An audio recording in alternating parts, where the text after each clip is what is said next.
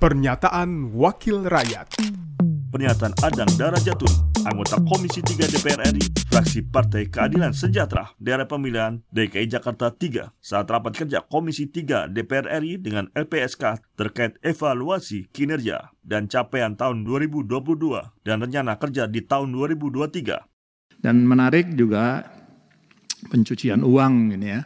Saya minta betul-betul ini masalah-masalah yang berhubungan dengan robot trading ya kita bisa merasakan lah penderitaan rakyat kecil ini ya.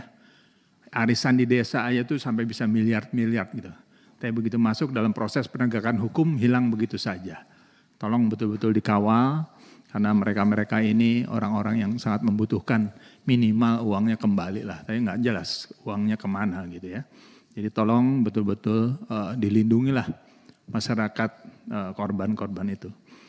Lalu yang terakhir ini lebih kepada sumber dari salah satu media bahwa LPSK ingin dimasukkan dalam sistem peradilan pidana di Indonesia melalui KUHP, KUHAP.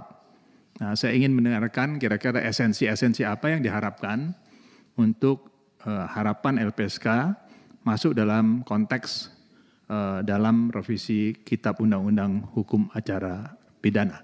Pernyataan Adang Darajatun, anggota Komisi 3 DPR RI, fraksi Partai Keadilan Sejahtera, daerah pemilihan DKI Jakarta 3, produksi TV dan radio Parlemen, Biro Pemerintahan Parlemen, Sekjen DPR RI.